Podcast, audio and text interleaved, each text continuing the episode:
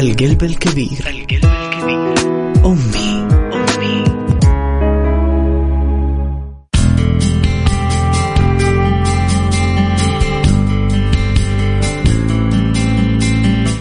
يا صباح الخير يا صباح الأيام المميزة والتواريخ المختلفة.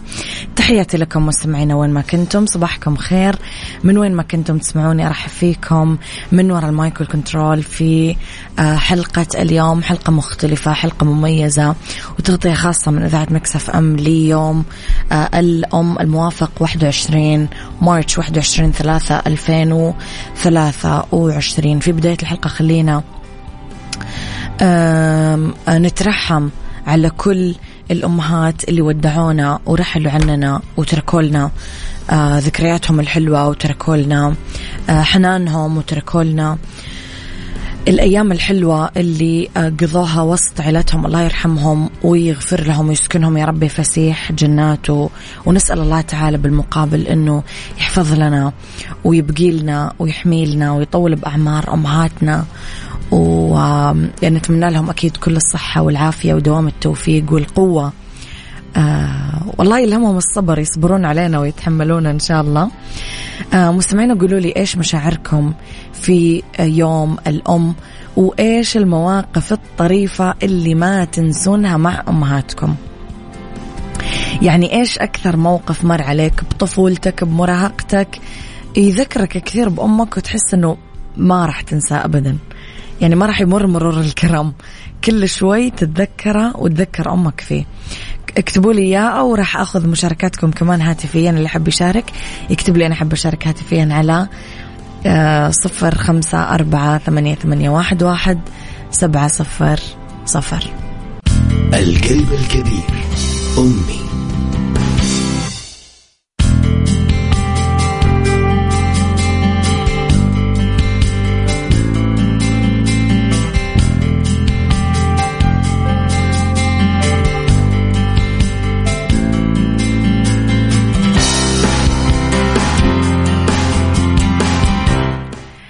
تحياتي لكم مستمعينا وصباحكم خير. أبو عبد الملك كتب إلى أمي الغالية آه رب يرحمهما كما ربياني صغيرة. رب يجمعنا بهم في الفردوس الأعلى من الجنة. إلى كل الأمهات في الدنيا كل عام وأنتن بخير وصحة وسعادة وسلامة وعافية يا رب. كل سنة وكل عام وأنتم بخير وصحة وسعادة وسلامة وعافية. اللهم بلغنا رمضان لا فاقدين ولا مفقودين. وربنا يتقبل منا ومنكم الصيام والقيام وصالح الأعمال يا رب يا كريم. صباح الخير يا أفنان. مستمعينا المقولات اللي قيلت عن الأم كثيرة جدا جدا جدا. قالوا أنها قلب الحياة الأبيض الذي لا يغير لونه الأيام. وقالوا أنه الرجال من صنع أمهاتهم. وقال من فقد أمه فقد أبويه. ومن روائع خلق الله قلب الأم. قال الأم تظلم نفسها لتنصف أولادها. قلب الأم كعود المسك كلما احترق فاح شذاه لم أطمئن قط إلا وأنا في حجر أمي. الأم لا تقول هل تريد بل تعطيك. أعظم كتاب قرأته أمي. لا يوجد شيء في الدنيا أحلى من قلب أم تقية. ليس في العالم وسادة أنعم من حضن الأم. قلب الأم مدرسة الطفل. يعني من سبقونا بالأدب وبالفلسفة. كثير كتبوا عن أمهاتكم. أنتم اليوم إيش تقولون لأمهاتكم مستمعينا؟ إيش الرسالة اللي حاب تهديها لأمك في يوم الأم؟ إيش المواقف الطريفة اللي تتذكر فيها أمك؟ أنا في آخر الساعة هذه بقول لكم أنا في إيش متذكرة أمي. يعني خلاص مضطرة أقول لكم مستمعين. أنتم ستر وغطى علينا. القلب الكبير. القلب الكبير أمي.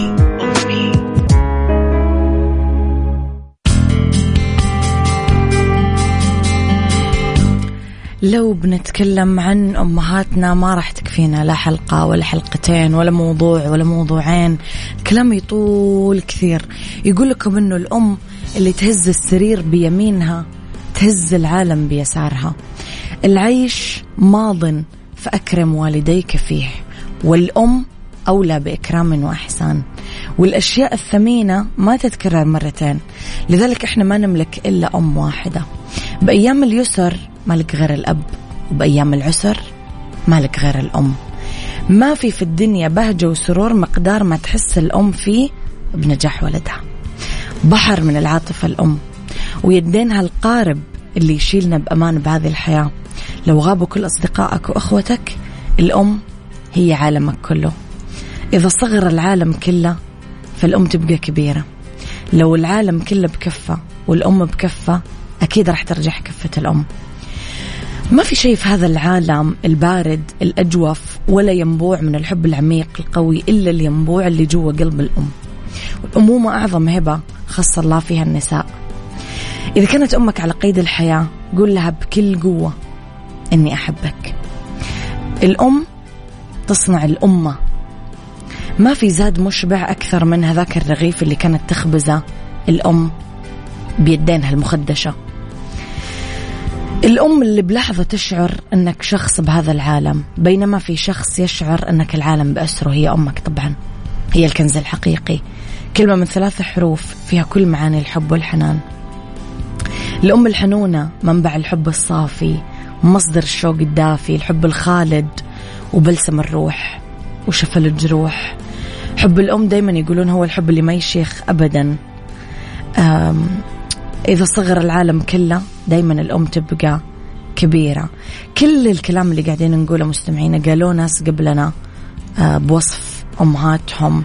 اليوم أنت كيف توصف أمك؟ إيش الكلمة اللي تهديها إياها؟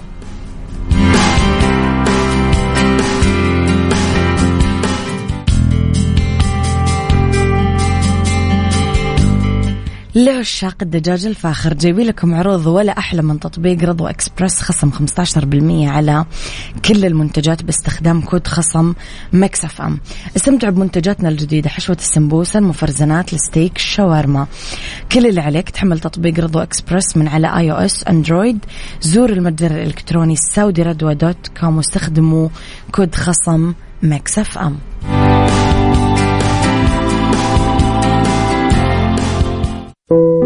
اليوم يوم حبي الأول يوم القلب الكبير.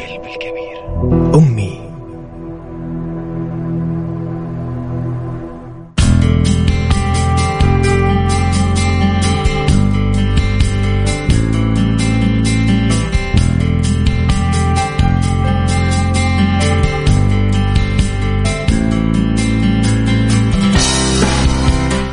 يا صباح الورد يا صباح الهنا يا صباح الحب يا صباح التوفيق. تحياتي لكم مستمعينا وين ما كنتم. صباحكم خير من وين ما كنتم. تسمعوني تحياتي لكم وين ما كنتم. أرحب فيكم في ساعتنا الثانية على التوالي من وراء ال mic وال control أقدمها لكم أكيد أميرة العباس.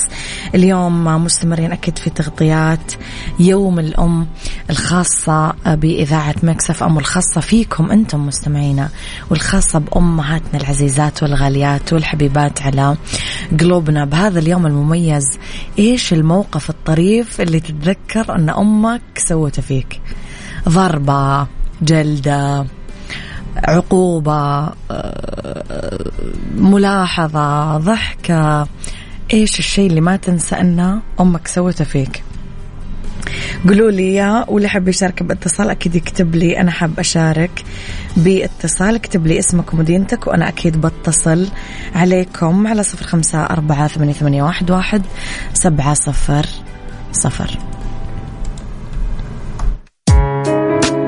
القلب الكبير. القلب الكبير. أمي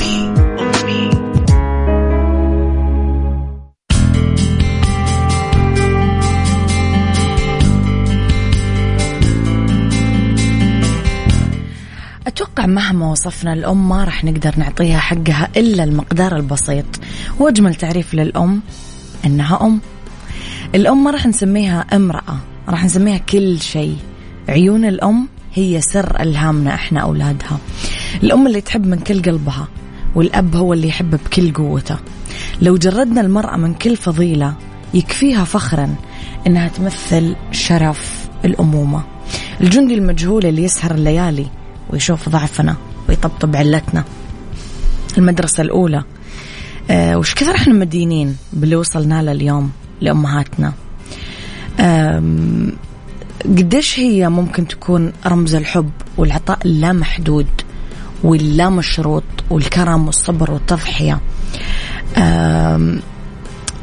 كل شيء بهذه الحياة. تعزية بالحزن الرجاء باليأس والقوة بالضعف. الأم والأب كلمتين تملي الحياة تملي الحياة أمان. مدرسة وقلب وحب وحنان تملك كل معاني الحياة بابتسامة واحدة. تشعل بقلبنا إحنا أولادها النار لو نزلت دمعة من عيونها لأنه دمعة الأم أغلى من كيوز الدنيا. كل البيوت مظلمة. إلين تصحى أمي؟ ولا؟ قولوا لي رأيكم.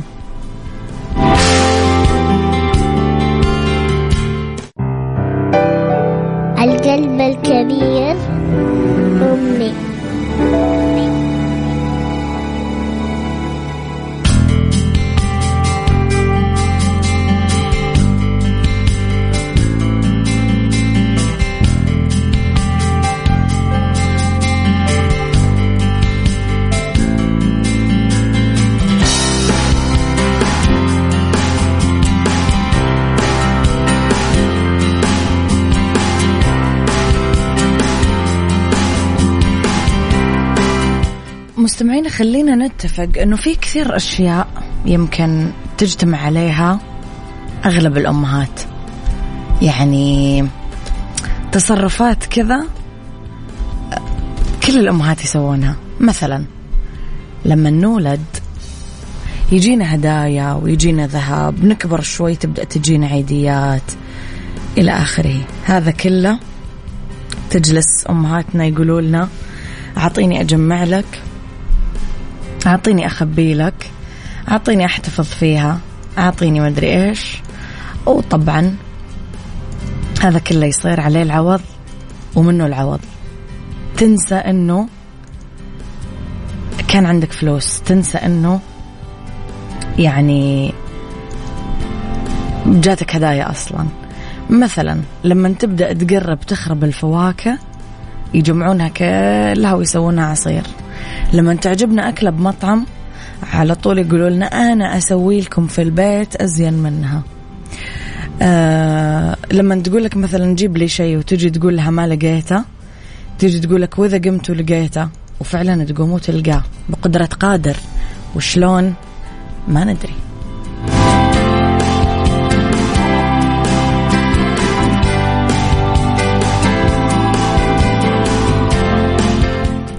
إيش تتوقعون التصرفات اللي تجمع عليها كل الأمهات؟ قولوا لي رأيكم على صفر خمسة أربعة ثمانية, ثمانية واحد, واحد سبعة صفر صفر.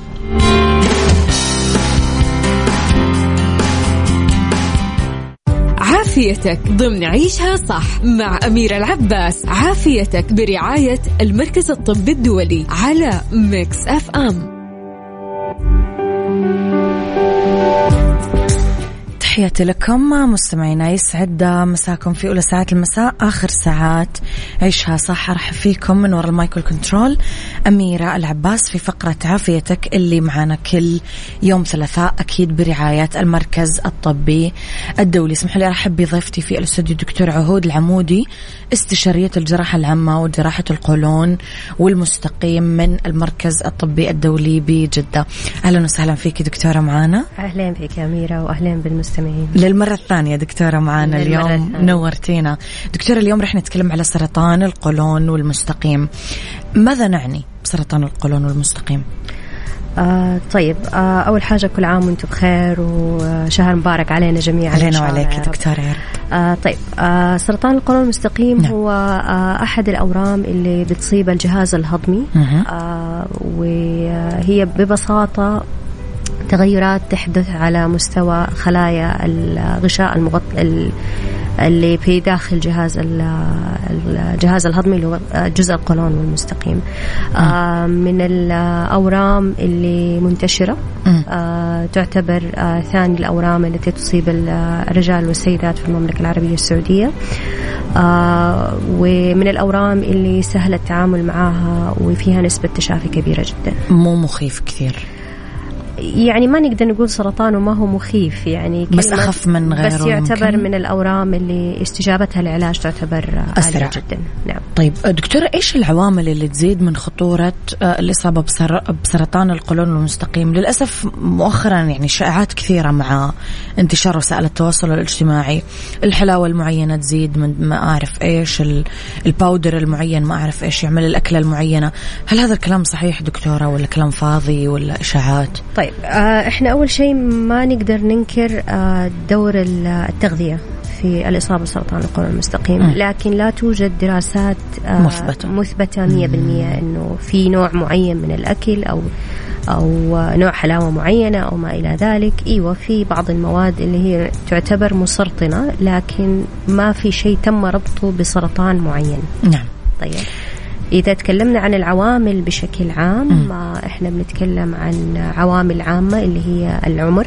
طيب الأشخاص اللي هم فوق سن ال 45 نعم. معرضين للأصابة أكثر من غيرهم آه بعض الأمراض الوراثية أو الأورام الوراثية مم. تمام عندنا أمراض أخرى تصيب الجهاز الهضمي اللي هو الأمراض الالتهابية أمراض كرونز والقولون التقرحي هذه الع... قد تؤدي إلى؟ قد تتحول إلى آه، سرطانات.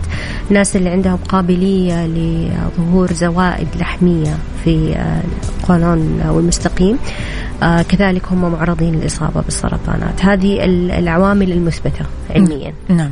دكتورة فيما يخص الأكل الساخن جاني أحد الأسئلة. أنه يقولون إذا أنت بتأكل الأكل جدا ساخن فهذا واحد من العوامل. إشاعات؟ غير صحيح. غير صحيح. علميا غير صحيح. طيب دكتور ذكرنا من ضمن العوامل آه، العامل الوراثي. نعم. هذا يودينا لمين الفئات الأكثر عرضة للإصابة بسرطان القولون المستقيم. حضرتك ذكرتي أنه ما خلينا نبدأ بالناس اللي فوق ال 45 سنة. صحيح. آه يعني آم، بناء على جميع ال- الدراسات الحديثة الآن أنه الأشخاص فوق سن ال 45 بدون أي عوامل أخرى تمام. آه يجب أن يبدأوا في عملية الفحص المبكر لأنه نسبة حدوث السرطان في جهاز ال- الجهاز الهضمي في القولون المستقيم تحديدا تبدأ من سن ال 45 نعم. هل ممكن يجي في أشخاص أصغر من ذلك؟ نعم. هذا هذا احتمال وارد وممكن خلال الحديث نتكلم عنه. الرجال والنساء. في الرجال والنساء نعم. في الاثنين. في الاثنين مم. نعم. آه مين الأشخاص اللي ممكن تظهر عندهم السرطانات في سن أصغر من 45 سنة؟ الناس اللي عندهم عوامل الأخرى اللي هو زي ما ذكرنا الأمراض الوراثي. الالتهابية الوراثة وجود الزوائد اللحمية آه تغيرات بتحدث على مستوى الجينات. هذول الناس اللي هم نسبة إصابتهم تعتبر أكثر من غيرهم. دكتورة واحد من الأسئلة يسأل هل كونه عنده قولون عصبي عادي؟ هل هذا مرتبط إنه ممكن يوديه لل لا ليس ليس ليس هنالك ارتباط بين الاثنين لكن تشخيص القولون العصبي لا يحدث إلا بعد التأكد من عدم وجود أمراض عضوية في ال- في القولون. هذا يوديني دكتورة للسؤال الجاي كمان. هل ممكن البعض الأمراض أنها توديني لسرطان القولون المستقيم؟ نعم. زي آه إيش؟ زي آه مرض كرونز. آه مرض القولون التقرحي اللي هم تحديدا بيصيبوا القولون المستقيم. تمام؟ هذول المرضى بيكون عندهم نسبة عالية جدا. إنهم آه، يتحولوا إلى سرطانات لذلك المتابعة بتكون دورية مع أطباء الجهاز الهضمي آه الأشخاص اللي عندهم الزوائد اللحمية في بعض الفئات من المجتمع عندهم آه وراثة موضوع نعم. الزوائد اللحمية آه هذول برضو لابد إنه يتعمل لهم فحوصات مبكرة في سن مبكر مم. وعادة تيجي في عوائل مم. يعني يعني تلاقي الشخص يجيك أنا والله من العائلة الفلانية هذه عائلة معروف إنه هي عندها أوكي. الجينات هذه آه فدائما بيكون آه الفحص آه الفحص حقهم ابدر من الأشخاص الآخرين. الدكتورة دائما لما نتكلم على السرطان نتكلم على الكشف المبكر لأنه مثل ما ذكرتي حضرتك كل ما اكتشف الشخص مبكرا يكون العلاج أسهل وأفضل.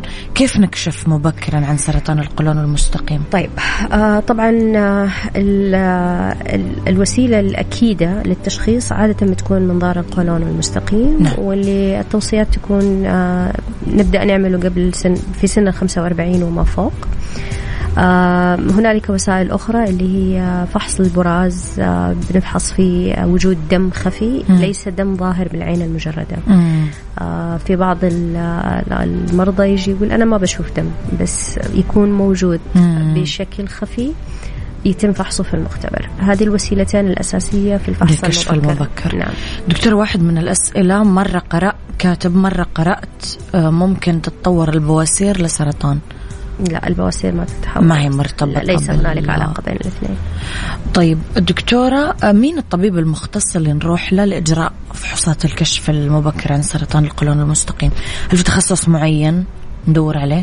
طيب آه هنالك آه كذا مجال آه أو كذا طبيب ممكن يعمل لنا الحكاية. هذه نعم. عندنا طبعا طب الأسرة. مم. دورهم مهم جدا في في عملية الفحص المبكر. نعم. آه ويمكن هم ال- ال- البوابة الأولى نعم. للمريض. نعم.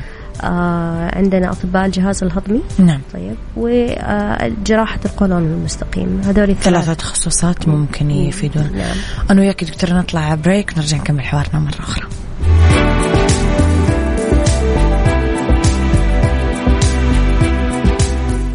عافيتك ضمن عيشها صح مع أميرة العباس. عافيتك برعاية المركز الطبي الدولي على ميكس أف أم تحياتي لكم مجددا مستمعينا اسمحوا لي أرحب مجددا بضيفتي الدكتورة عهود العمودي استشارية الجراحة العامة وجراحة القولون والمستقيم من المركز الطبي الدولي بجدة. دكتورة تطرقنا لموضوع العمر الخاص بال أو المتوقع في بداية سرطانات القولون المستقيم. إيش العمر اللي لازم نجري فيه فحوصات الكشف المبكر؟ آه 45 عام نعم. طيب هو ال- في الحالة الطبيعية. في الشخص الطبيعي اللي ما عنده أي أعراض اللي ما عنده أي شكوى اللي ما عنده تاريخ مرض تاريخ عائلي بسرطان القولون المستقيم آه بعض الأشخاص لا يحتاج أنه يسوي الفحص آه قبيل ذلك. آه خصوصا الناس اللي عندهم آه تاريخ عائلي يعني جينات وراثية. جينات وراثية أو أحد من أقارب الدرجة الأولى أصيب بسرطان القولون المستقيم في سن مبكر نعم. آه فعليه الشخص لابد إنه يجري فحصه قبل قبل يعني هذا قلنا السن. مثلا آه، شخص والده أو والدته أو خاله أو عمه أصيب بسرطان القولون المستقيم مثلا في سن الأربعين سنة نعم. في سن التسعة وثلاثين سنة الشخص هذا لابد إنه يعمل آه، فحصه قبلها بعشر سنوات. مم. يعني نتكلم عن 29 30 سنة لازم يجري منظار للقولون المستقيم. الدكتورة في الفئات ما في مثلا ذكور أكثر من إناث أو إناث أكثر من ذكور إصابة عادة بسرطان القولون؟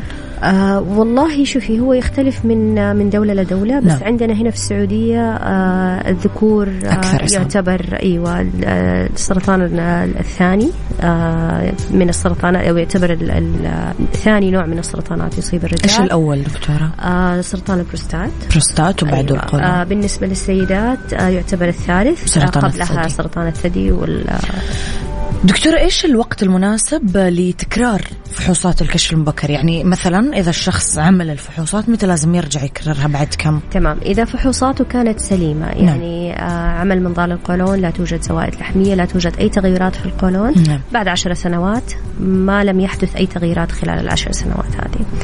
الأشخاص اللي بيظهر عندهم آه زوائد لحمية خلال مم. عملية الفحص المبكر وهي إحنا ما نعتبرها ما قبل السرطان. مم. تمام. يعتمد على نوع الأنسجة. آه يتراوح إعادة الفحص ما بين آه ستة شهور إلى خمسة سنوات على حسب نوع الأنسجة اللي يتم استئصالها خلال آه، المنظار هذه المدة. في حال دكتورة لا قدر الله تم اكتشاف سرطان القولون ما هي خطة العلاج اللي توضع؟ تمام. الآن تم تشخيص المريض بال- بالسرطان. صح. هنا تبدأ عملية آه، آه، مرحلة. أيوة، مرحلة تقييم الحالة. مم. معرفة المرحلة اللي فيها ال- المريض آه، ومن ثم توضع الخطة العلاجية. طبعا بتعملها فحوصات مختلفة. هذا دكتورة سرطان القولون. سرطان القولون. نعم, يتم تحديد مرحلته بالأشعة. طيب الأشعة المقطعية. يتم تأكد من عدم انتشار الورم. و طبعا حسب التوصيات العالمية أنه أي حالة سرطان لابد يتم نقاشها في ما يسمى مجلس الأورام. طيب هذا بيكون آه، اجتماع ما بين أطباء الأورام الجراحين وجميع التخصصات اللي لابد تكون آه، اللي تكون مشاركة في في وضع الخطة العلاجية. كل واحد يقول رأيه الطبي. طبعا وكل واحد في مجاله يعطي خطة العلاج وبعدها يتم إيصالها للمريض. طب دكتورة خطة علاج آه، سرطان المستقيم. جميل. سرطان المستقيم يختلف في حاجة بسيطة جدا. مم. آه إنه لابد معرفة المرحلة موضعيا في منطقة المستقيم عشان نحدد إذا المريض هذا يتجه اتجاه جراحي مباشرة أو لا لابد من أخذ آه، علاج إشعاعي وكيمائي قبل آه، عملية الاستئصال وهذا الفرق بين الاثنين القولون عادة نتجه إلى الاستئصال مباشرة ما لم توجد طبعا آه، عوامل أخرى تمنع العملية إما صحة المريض أو انتشار المرض نعم. بينما سرطان المستقيم في أغلب في خيارين هي ليست خيارين هي على حسب مرحلة المريض.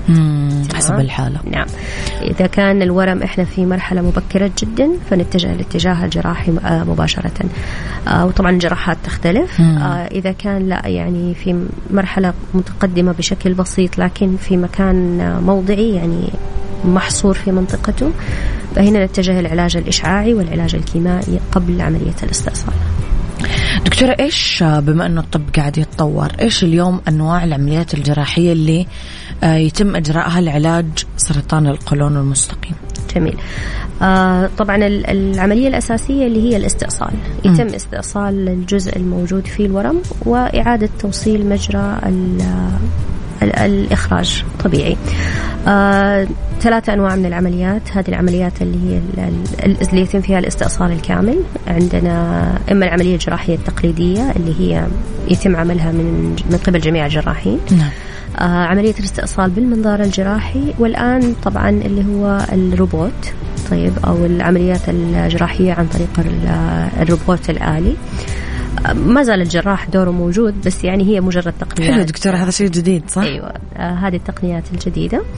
آه بيتم آه استئصال الجزء وإعادة التوصيل آه مرة أخرى. العمليات الأخرى اللي هي عادة بتكون في منطقة المستقيم مم. اللي هي الاستئصال عن طريق آه فتحة الشرج ما بيكون في جراحة ما بيكون في شيء. وطبعا هذا يعتمد على مرحلة الورم وما إلى ذلك. ف... كل حالة حسب تشخيصها. نعم نعم. دكتورة إيش هي المفاغرة المعوية؟ طيب المفاغرة المع- المعوية هي ببساطة تغيير مجرى آه، الإخراج من. المجرى الطبيعي إلى فتحة يتم آه، إنشائها في جدار البطن آه، بناخذ جزء من الأمعاء وبن يعني نخيطها في جدار البطن نعم هذه، نعم. نخيطها في جدار البطن ويتم الإخراج عن طريق هذه الفتحة آم، هي تعتبر يعني بالوصف تعتبر عملية بسيطة لكن طبعا عواملها النفسية وما إلى ذلك باب آخر يعني. طيب دكتورة بظل تخوف كثير من المرضى من آه، موضوع المفاغرة المعوية. إيش تأثيرها على حياة مرضى سرطان القولون؟ جميل. أول حاجة إحنا لازم نوضح لل- للمستمعين إنه المفاغرة قد تكون مؤقتة وقد تكون- دائمة. نعم. طيب.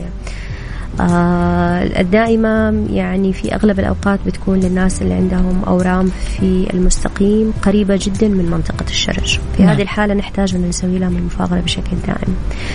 آه يمكن تخوف أغلب المرضى أنه إجراء غريب آه حاجة ما هم متعودين عليها. آه يمكن ما في توعية كافية عن عن مبدأ المفاغرة المعوية. يعني اللي أقدر أقوله إنه هي ما هي حاجة مخيفة. مم. طيب. نعم هي تغيير عن روتين الحياة اليومية اللي إحنا نعرفها. آه نعم طريقة تعامل جديدة لجسم الإنسان.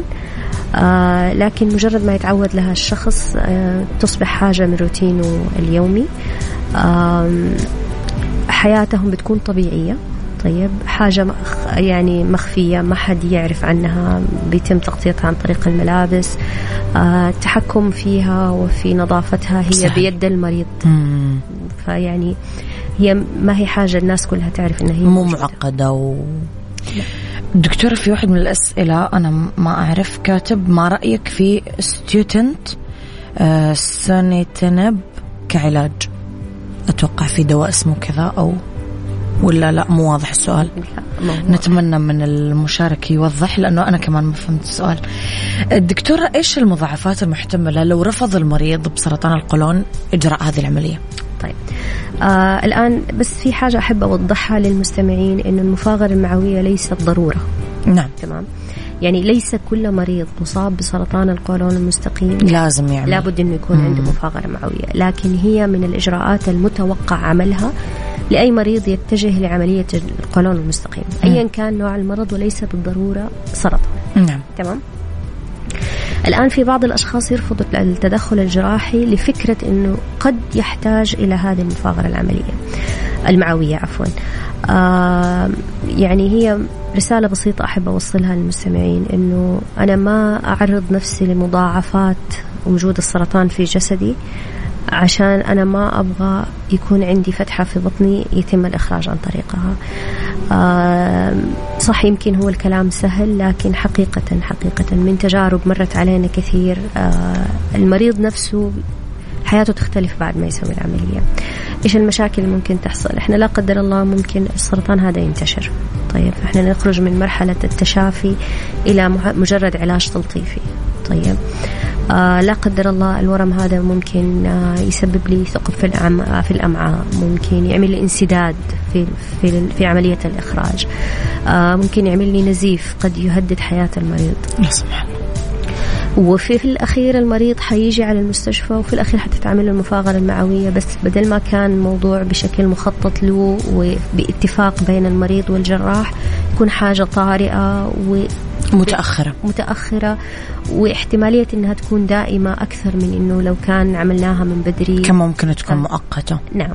نعم دكتورة اليوم بعد انتهاء العلاج هل يحتاج مريض سرطان القولون المستقيم لمتابعة دورية؟ نعم عادة بعد ما تتم خطط العلاج كاملة من استئصال ومن علاج كيمائي وما إلى ذلك يتم متابعة المريض لمدة خمس سنوات نعم. من إجراءه للعملية وانتهاء علاجه لأنه بحسب الدراسات الخمس سنوات هذه هي أكثر فترة ممكن يرجع فيها الورم.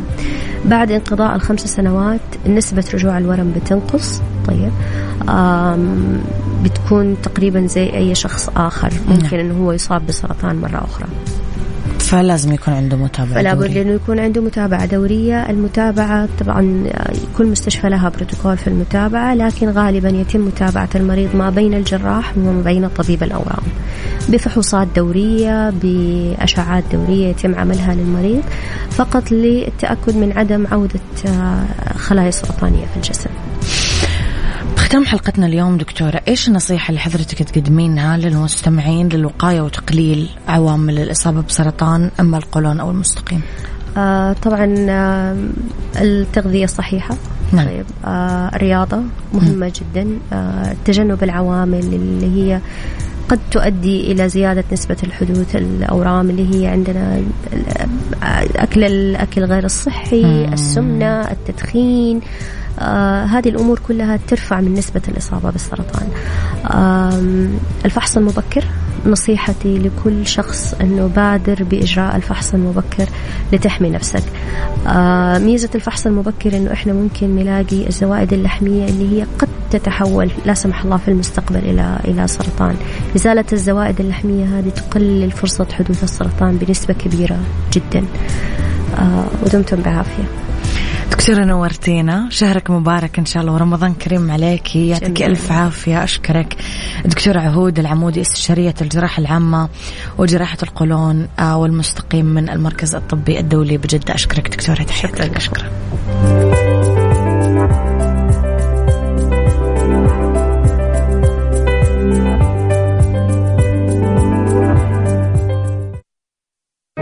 القلب الكبير. القلب الكبير أمي. الأم. ما في في العالم وسادة أنعم من حضن الأم ولا في